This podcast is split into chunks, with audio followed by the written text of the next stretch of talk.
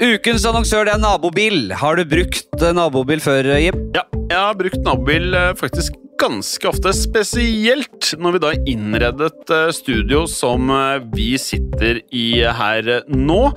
For da skulle vi jo frakte både møbler, utstyr, alt fra mikrofoner, mikrofonarmer, bord, stoler, og alt mulig.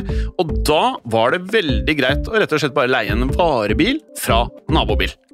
Ja, Veldig veldig smart når du skal flytte, og veldig veldig smart når du bare skal på en helgetur, f.eks. Kan du bare eh, kaste deg inn i en eh, nabobil.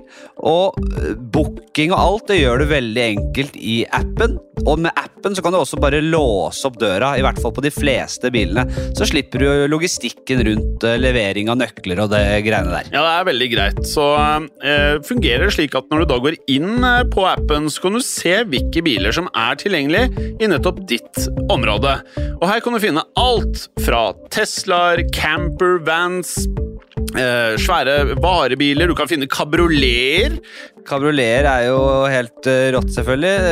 Eh, oss passer inn i gangsterpodden. eh, oss, kanskje får en Cadillac der inne, hva vet jeg? En ordentlig Al Capone Cadillac, Jim. Det hadde Ja. vært greit. Ja, man kan finne det også. Jeg vet at du er Det, veldig vi kan ikke love det. vi kan ikke love det Vi kan ikke Ja. love Cadillac. Jeg vet du er veldig opptatt av Cadillacer, Flatseth, så vi, vi, vi kan ikke love det, men jeg tror det kanskje finnes.